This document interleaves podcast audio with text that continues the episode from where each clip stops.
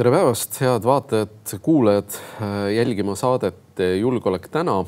tänase saate teemad on olukord Ukraina rinnetel ja selle mõju äh, läänele ja Eestile laiemalt. ja teise teemana võtame arutluse alla äh, Gaza sektoris toimuva ja läänes toimuva äh, väreluse siis selle ümber. stuudios, nii nagu ikka, on julgeolekueksperdid Meelis Oidsalu ja Erkki Koort. julgeolek täna alustab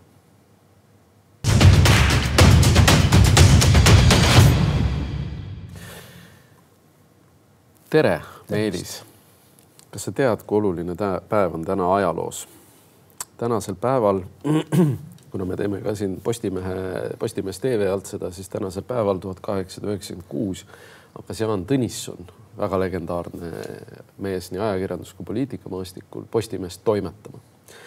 ja tänasel päeval, tuhat üheksasada nelikümmend, ta kahjuks arreteeriti ja, ja suri hiljem Venemaal Äh, aga täna ajaloost ka tuhat üheksasada kakskümmend seitse toimus plahvatus äh, Tartu arstirohtude tehase Helios püssirohu osakonnas mm.. arstirohtude tehasest toodeti. Nad tegid mingit plahvatavat ravimit. ja äh, noh, nitroglütseriin teatavasti on ka ravim. hukkus kaheksa töölist ja suhteliselt suur, suur õnnetus Eestis. tuhat üheksasada üheksakümmend neli võttis Riigikogu vastu avalduse, kus avaldas protesti Venemaa agressiooni osas äh, Tsetseenias. Äh, nimelt äh, üheteistkümnendal detsembril algas siis Tsetseenia esimene sõda üheksakümne neljandal aastal.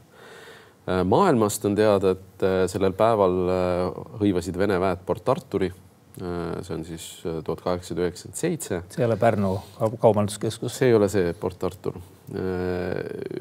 esimeses maailmasõjas toimus äh, tuhat üheksasada kuusteist väga ränk õnnetus. Äh, Tiroolis hukkus üheksa tuhat Austria-Ungari sõdurit laviinis, mitte sõjategevus, vaid laviinis.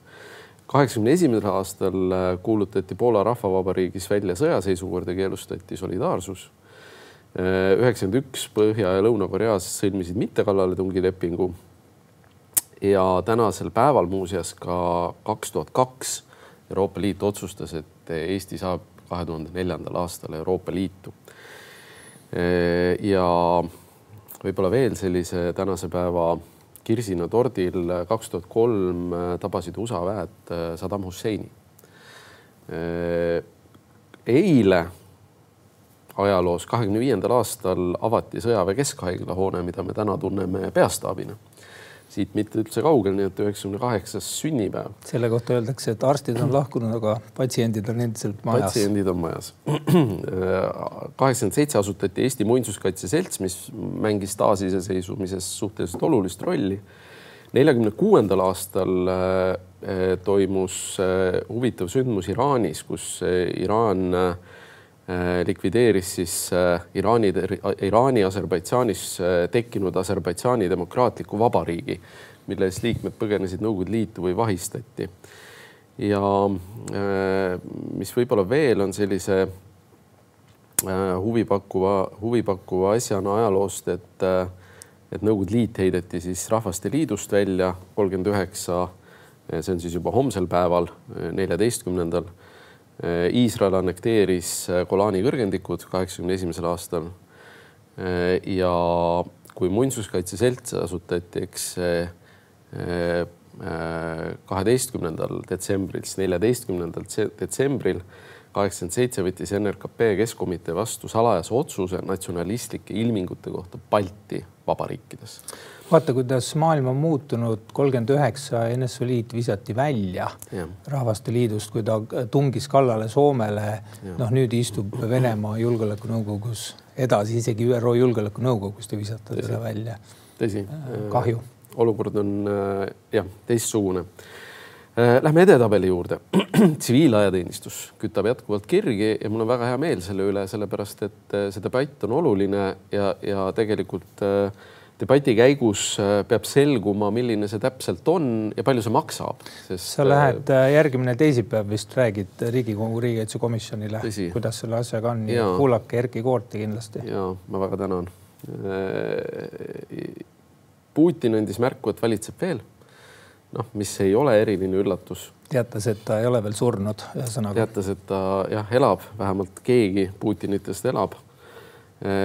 siseministri auto ründamine oli nädala jooksul, mis on suhteliselt harukordne, et kunagi minu arust oli siseminister Tarmo Loodus, kellelt varastati auto ära Karu ründas ka kaitseminister Jaavik, Aaviksoo või Jaak Aaviksoo et, et see teema, eh, elanikkonnakaitse tegevuskava vaikselt äh, kerib, mis on hästi oluline mida me siin saates oleme korduvalt käsitlenud ja peame jätkuvalt tähtsaks, et et veel kord, eks, et kaks protsenti või kolm protsenti sõjalisele kaitsele kulutame selleks, et me võidame sõja.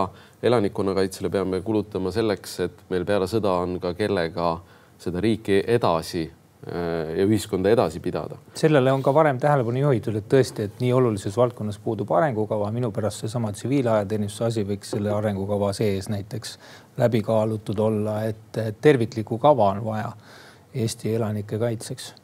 tõsi ähm eelmine nädal vahistas kaitsepolitsei äh, ühe provokaatori, Allan Hantsumi. et äh, kaitsepolitsei toimetab jätkuvalt. Äh, Allan Hantsum on ka varasemalt sattunud kaitsepolitsei aastaraamatutesse. muidugi OSCE eesistumine ja, ja igasugused jamad selle osas, et, et Eesti, Läti, Leedu ja Poola välisministrid ei läinud koha läks äh, Põhja-Makedooniasse. enamus muid riike läks koos Lavroviga ühe laua taha istuma. Kummalised olid signaalid, mis Rävala puiesteelt tulid, et kõigepealt äh, välisminister Margus Tsahkna ütles, et Eesti on enneolematu surve alla justkui sattunud, noh, nii-öelda mängiti meedias suureks see kriis ja pärast selgus, et midagi sealt nagu ära ei toodud. et, äh, et noh, et kommunikatiivselt tasub mõelda, et kas on mõtet seda vastasseisu nii suureks ise puhuda, kui pärast noh, tuleb tühja õhupalliga nagu Noitsu seal Puhhi raamatus tagasi. Äh, eesistujaks sai Malta, äh, kes on ka ju Euroopa Liidu liige lõppkokkuvõttes ja meil pidi olema mingisugune ühine, ühine positsioon. noh, ajaloost on ka teada, eks, et äh, Malta, noh, Maltal kunagi tegutsenud organisatsioon Malta Ordu, Malta Ordu suurmeistriteks on olnud ka Venemaa tsaarid et selles suhtes on. ja need ordud tegutsevad edasi vist. see ordu tegutseb Viktor edasi. Viktor Vassiljev see... oli kunagi mingi ordu liige, ma mäletan. ma ei tea, kas ta just Malta ordu liige on, aga Malta ordu on muuseas ka mingisuguse Riho Terras. imelik ja teistpidi assotsieerunud liige ÜRO-s, et on üks väheseid organisatsioone, mis on ÜRO liige. et äh, Malta, Maltal on suhteliselt äh, suur mõju.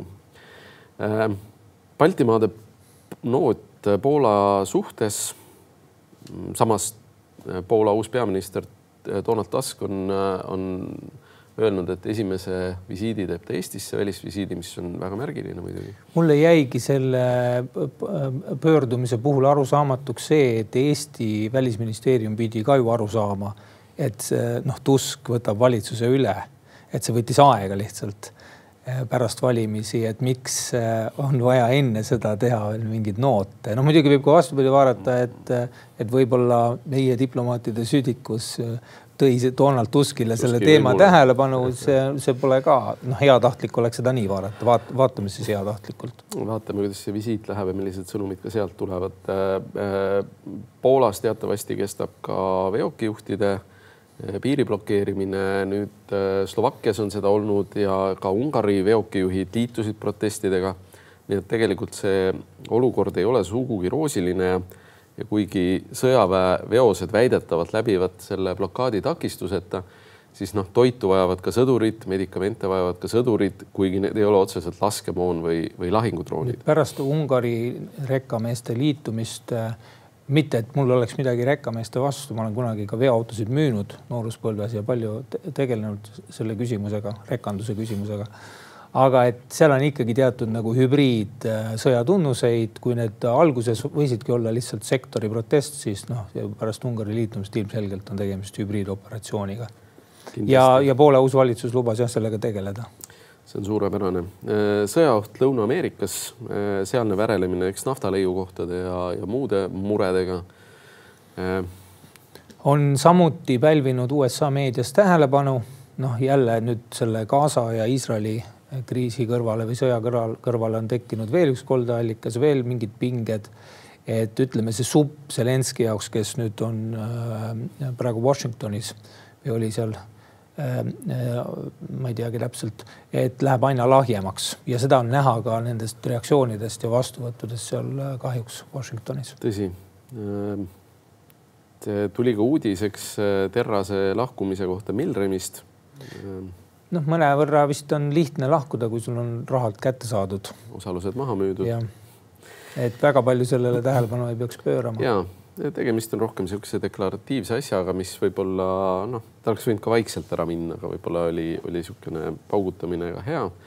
Äh, riigi Infosüsteemi Amet teatas, et äh, rünnati äh, katlamaju ja pumbajaamu Eestis, mis kasutasid Iisraeli tarkvara ja mille ründajateks väidetavalt olid Iraani häkkerid see on huvitav juhtum ja tahakski täpsemaid kommentaare ka saada, et mis seal oletused on, et kas Iraani häkkerid ründasid seda sellepärast, et nad juba tundsid seda Iisraeli tarkvara ja sellepärast oli, mida rünnata või ongi Eesti Energia ja Balti energiasüsteemid nüüd äh, sel talvel ka muud moodi sihikule võetud?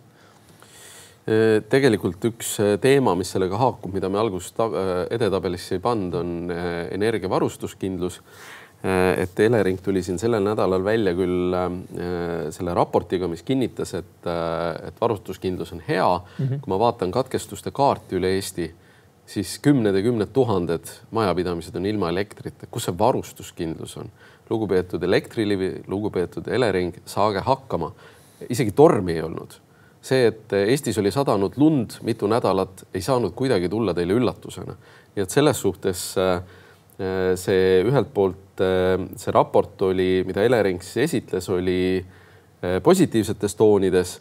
noh, tegelikkus üle Eesti, et noh, Viljandimaal ainuüksi on viisteist tuhat majapidamist ilma elektrita ja ei ole olnud tormi tead, ma ütlen ausalt, olles siin suhelnud ka rahandusministeeriumiga viimasel ajal eurotoetuste väljamaksete aeglustumise küsimuses, et kahjuks see pilt selle nii-öelda pioneeriliku raporteerimise ja siis eh, noh, tegeliku olukorra vahel läheb üha nagu jubedamaks ja seal ei olegi muud, kui on lihtsalt võetud see hoiak kuidagi, et me peame ilustama kõike ja see on kuidagi hea avaliku teenuse osa, ei ole. et, et noh, et võib natukene võiks nagu tooni maha tõmmata selle noh, raporteerimisega, kuidas me oleme kõiges maailma parim, parimad, ainult et kohapeal inimesed millegipärast sellest aru ei saa, et niisugune paradoks on seal. Nad on, kohapealsed inimesed on lihtsalt kiuslikud ja pahatahtlikud. aga, aga tõsi ta on, et, et selleks ei ole vaja mingisugust äh, katastroofi. Äh, lihtsalt äh, lumi hakkas sulama ja inimestele tuli see, tuli see suure üllatusena Infortar äh, soovis minna börsile, huvi investorite poolt oli leige, välisinvestorite poolt just, äh, minu arust väga oluline märk. et äh, majandustulemused head ettevõttel, aga huvitav ja võib-olla uudisväärtuslik oli seal see, et nad ajasid natukene selle ka halvenenud julgeolekuolukorra alla kaela. Hans Schmidt ütles ka, et noh, et võiks teha lausa kampaania, öelda, et meil on nagu kõik hästi et ähm, kõige noh, infokampaaniast siin ei piisa, et kõige parem kampaania on see, kui me teemegi mingid asjad korda endal lihtsalt, elanikkonnakaitse korda, sõjalise kaitse varud korda.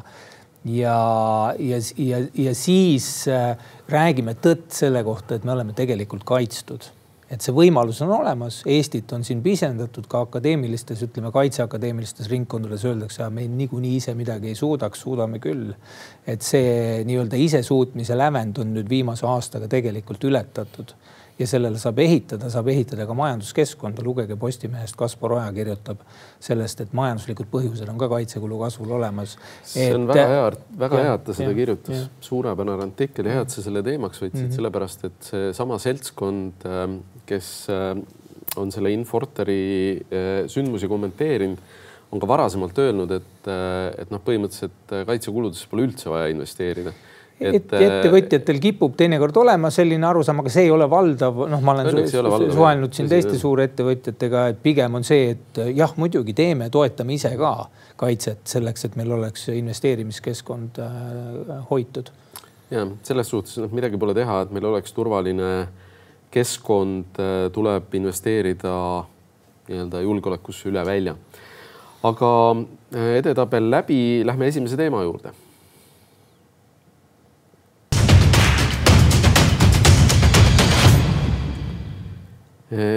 esimese teemana võtame lauale Ukraina sündmused. nii nagu ma ennem edetabelis rääkisin, kaks tuhat kaks ehk juba kakskümmend üks aastat tagasi saime meie kindluse, et kaks tuhat neli pääseb meie Euroopa Liitu. Sellel nädalal on ülemkogul arutusel Ukraina Euroopa Liidu perspektiiv ja tegelikult on see mõnes mõttes väga märgiline, sellepärast et mäletatavasti kaks tuhat kolmteist Maidani sündmused algasid just sellest, et äh, Janukovitš äh, kaugenes äh, Euroopa Liidust, inimesed tulid tänavale ja kukutasid valitsuse. järgnes Krimmi okupeerimine, annekteerimine ja, ja selle eelmise aasta kakskümmend neli veebruar siis Venemaa täiemahuline sissetung. et tegelikult on see ühelt poolt võib-olla noh, sõjalises mõttes mitte nii oluline fakt, aga, aga kontekstis kui noh, on ka öeldud, et Ukraina on ainus koht, kus inimesed on surnud Euroopa Liidu lipp käes, siis noh, see on märgiline see on märgiline, noh, eelinfo ütleb vist küll, et ei tule mingeid rõõmusõnumeid Ukrainale kahjuks seekord. ilmselt läheb nii nagu Vilniuses sellel, sellel nädala lõpul ja, ja noh, see üldine küsimus on äh, võib-olla me oleme sellises olukorras, kus me ei peaks selle negatiivse noh, nii-öelda tulemi üle väga võib-olla isegi heituma. me, olukord on läinud nii palju halvemaks Ukraina jaoks praegu rahvusvahelise toetuse mõttes, et me noh, sõna otseses mõttes peame nüüd aasta kaupa elama ja vaatama, et kuidas saaks ikkagi selle toetuse taastatud võrreldes eelmise aastaga samal ajal on üheksakümmend protsenti väiksem ehk siis kümme protsenti eelmise aasta mahust seda abi, mida on nüüd lubatud Ukrainale ja seda on ainult globaalselt ainult mingisuguse paari miljardi äh, euro jagu äh, kindlaid selliseid lubadusi, et seda on koledal kombel vähe, on ilmselge, et venelased otsivad siit võimalust veel enne noh, nüüd pühade ajal, kui meie kõik siin kuuse all istume mm, -hmm. jõule tähistame. et võib-olla juba sellisel moel, et see Ukraina asi ongi nagu üks uudis lihtsalt teiste seas, selline nihe on siin aastaga toimunud võrreldes eelmiste jõuludega et siis eh, noh, pannakse veel eh, survet peale, siin viimased päevad näitavad ka, et Avdivka suunal näiteks on uuesti, eks ole, mehhaniseeritud väed sisse toodud. et pannakse, tuleb nagu uus nii-öelda surve. Putin käib siin tegemas siis ka noh, rääkisime Terrase tagasiastumisest, käis, käib tegemas ka juba väikest sellist eelvõidu tuuri Lähis-Idas ja, ja noh, see märk, et teda võetakse vastu ja tervitatakse seal eh, paraadidega et noh, see näitab, et mingi nagu mõju on juba saavutatud või kuskil juba arvatakse, et ta on võitmas. ja noh, ega siin ei ole muud valikut alla heita nagu mm, praegune plaan, mulle tundub lihtsalt segadusse sattuda läänel ja siis kuidagi passi-, tarduda. et see on väga halb plaan, et ja sellele tuleb vastu võidelda. ja tegelikult äh, äh minu arust Lääs ikkagi elab suuresti veel selles Äh, Harkivi oblasti ja Hersoni sellise noh, ratsaväe pealetormamise sellises fluidumis ja, ja seesama Surovikini liini noh, rajamine, ma pean tunnistama, et äh, see oli minule üllatus, et nad äh, rajavad nii, nii mastaapse kaitseliini. aga see on natuke sedapidi, kus Ukraina tegelikult läks ka oma heitest natuke sellili, nii nagu Venemaa püüdis alguses enne sissetungi jätta usutavat muljet noh, meenutagem, tegu pidi olema maailma tei, suur võimsuselt teise armeega, eh, mis täna noh, ei suuda ära vallutada rajooni keskust ikkagi, et kui me seda konteksti vaatame, siis Ukrainal ei lähe halvasti.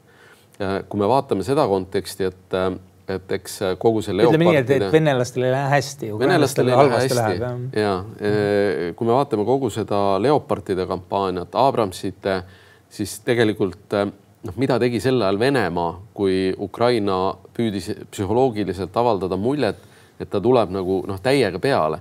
Venemaa kaevas, kaevas, kaevas ja kaevas ja mineeris, mineeris, mineeris, mineeris.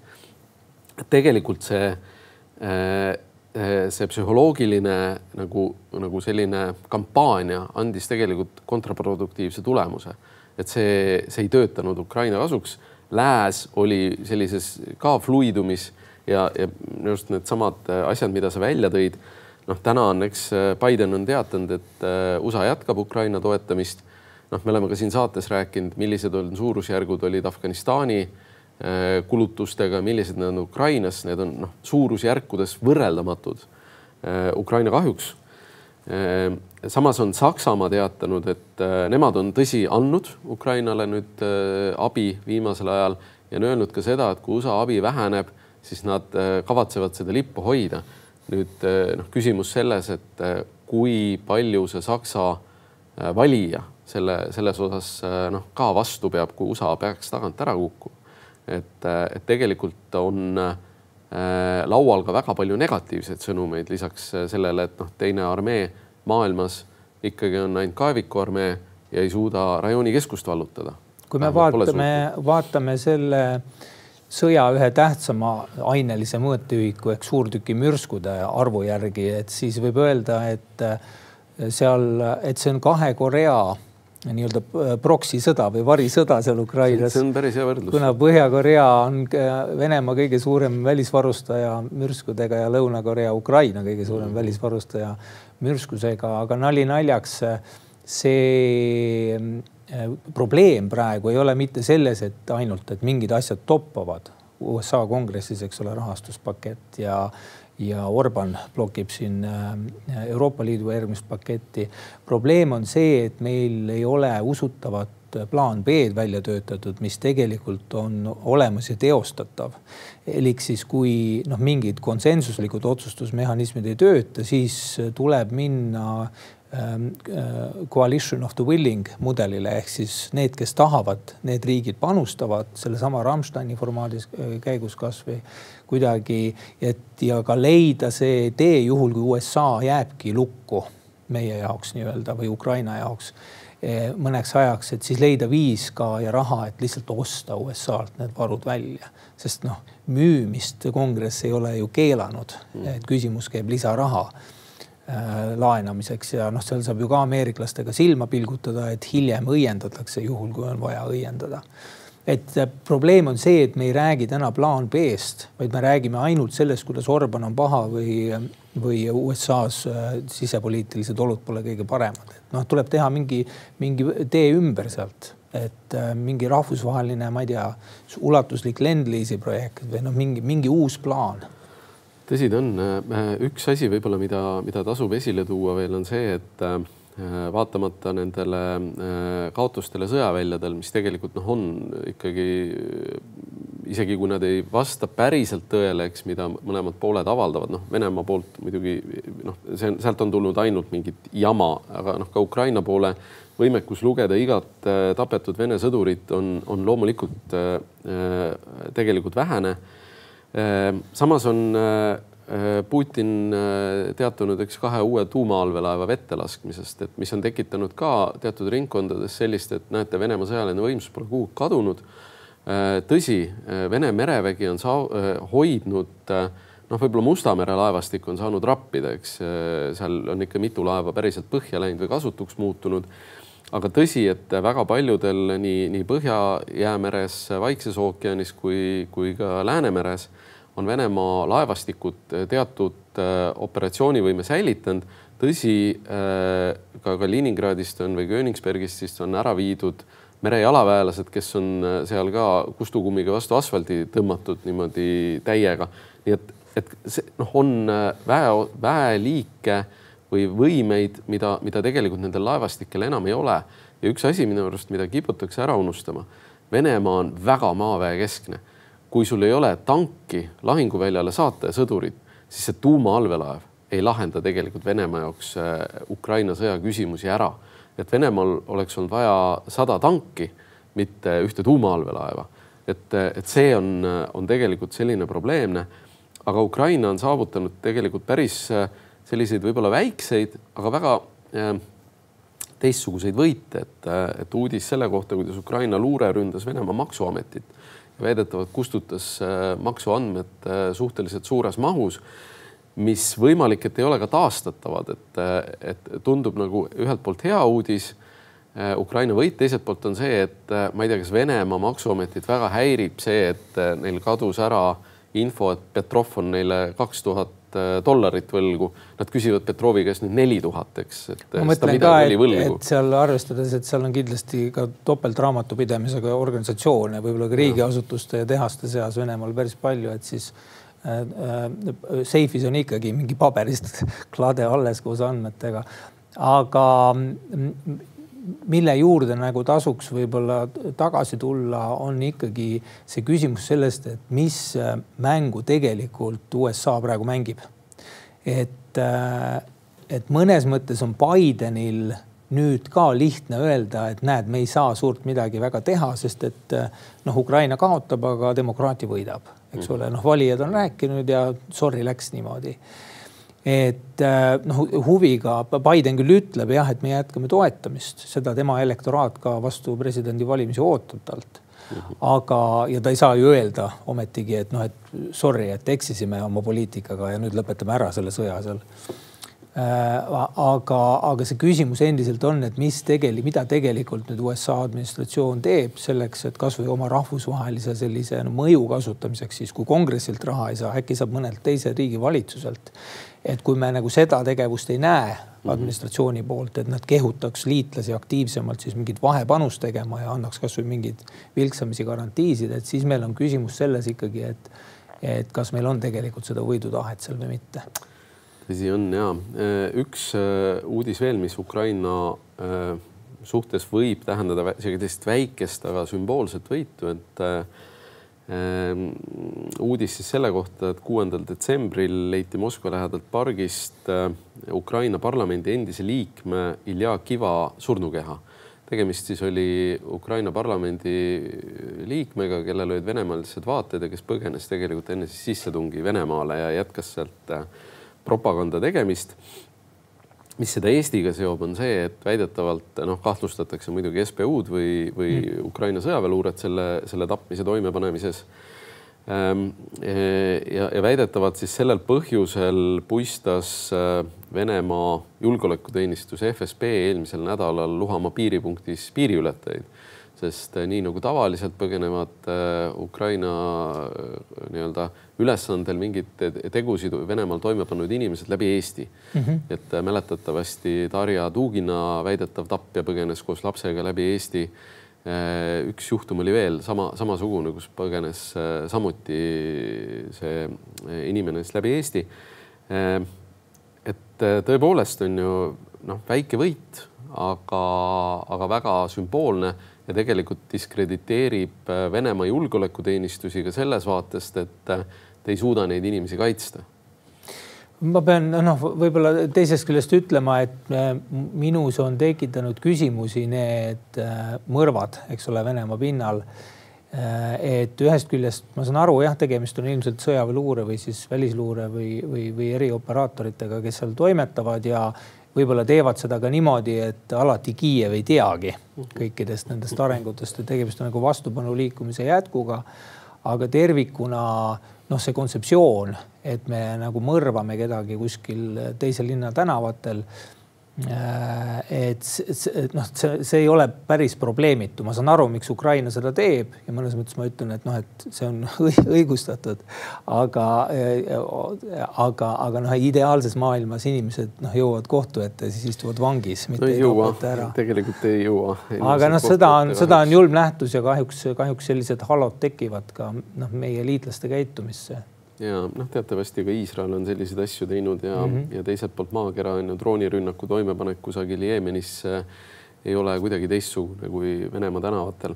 aga, aga tõmbame selle teema kokku, et jälgime sündmusi ja tegelikult ka seda reedest ülemkogu suure huviga ja milliseid sõnumeid see kõik kaasa toob. vahetame teemat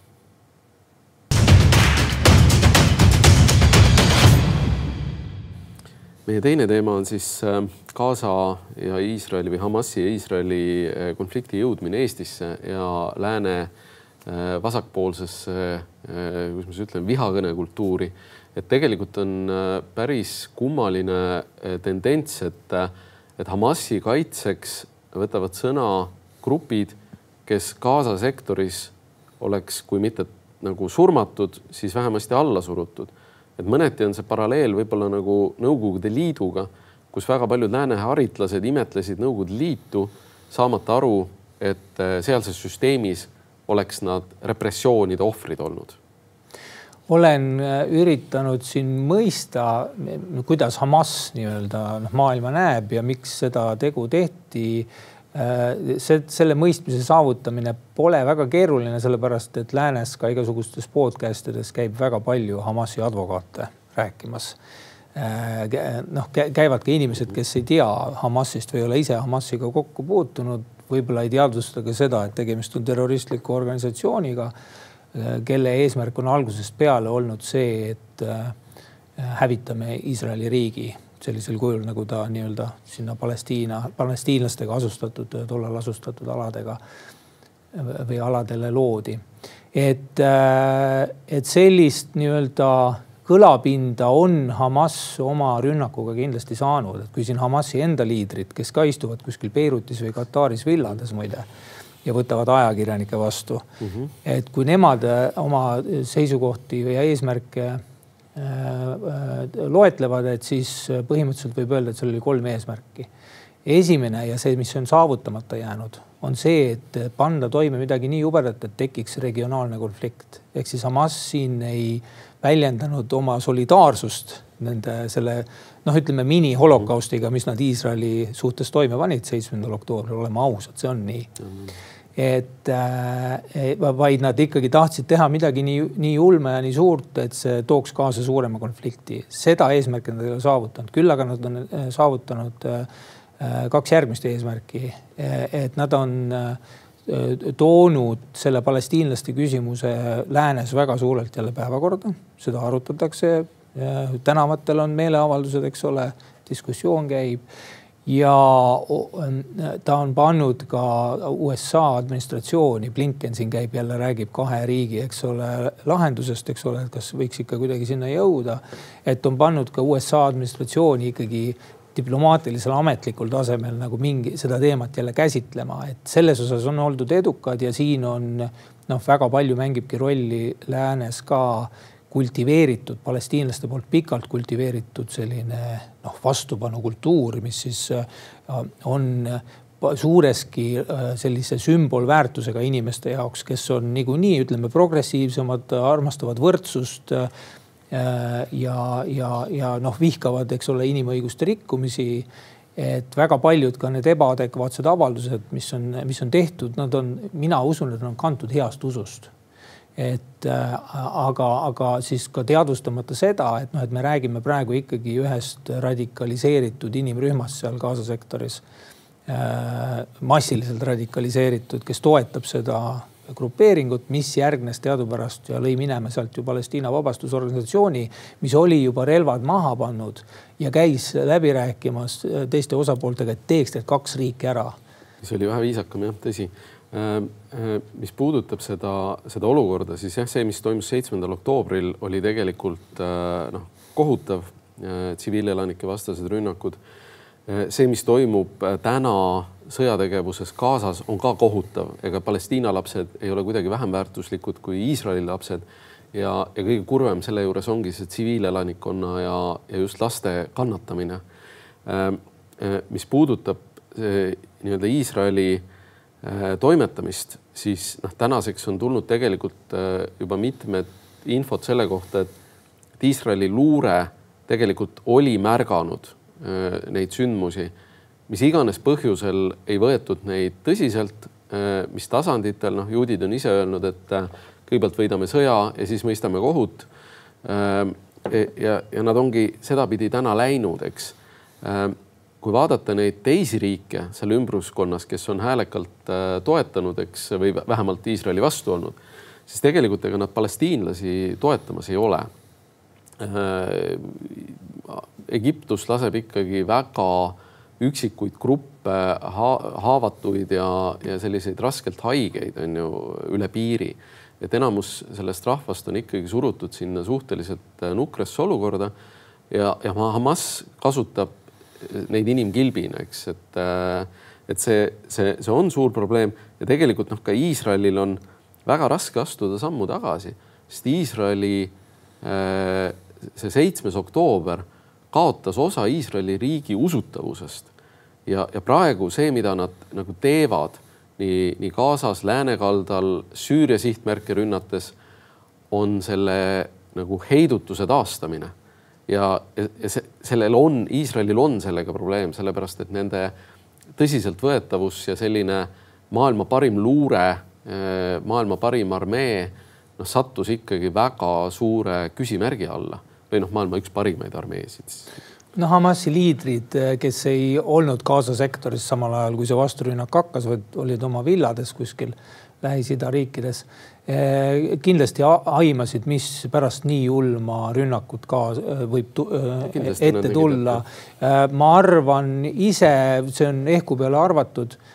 ärge võtke tõe pähe, aga ma arvan, et natukene ka ründajaid ennast üllatas nende edu või et kui ja. palju nad nii-öelda suutsid seda, seda holokausti osa seal ellu viia, millises mahus ja kui julmalt veel Mm -hmm. et küsimus ei ole ainult noh, suremises, vaid ka tapmise viisides, eriti piinavatele äh, asjaoludele, et see, see kõik ei, ei annagi mõnes mõttes noh, väga rahule võimalust, et kui tahta öelda, et äh, nagu Hamasi liider, et ma tahtsin, et see Palestiina küsimus oleks jälle päevakorras, sellepärast et tundus, et Iisrael ja Araabia riigid hakkavad juba omavahel nagu semutsema mm -hmm. ja meid lükatakse kõrvale et siis noh, et öelda, et ma nüüd vastan sellise teoga tähelepanu saamiseks.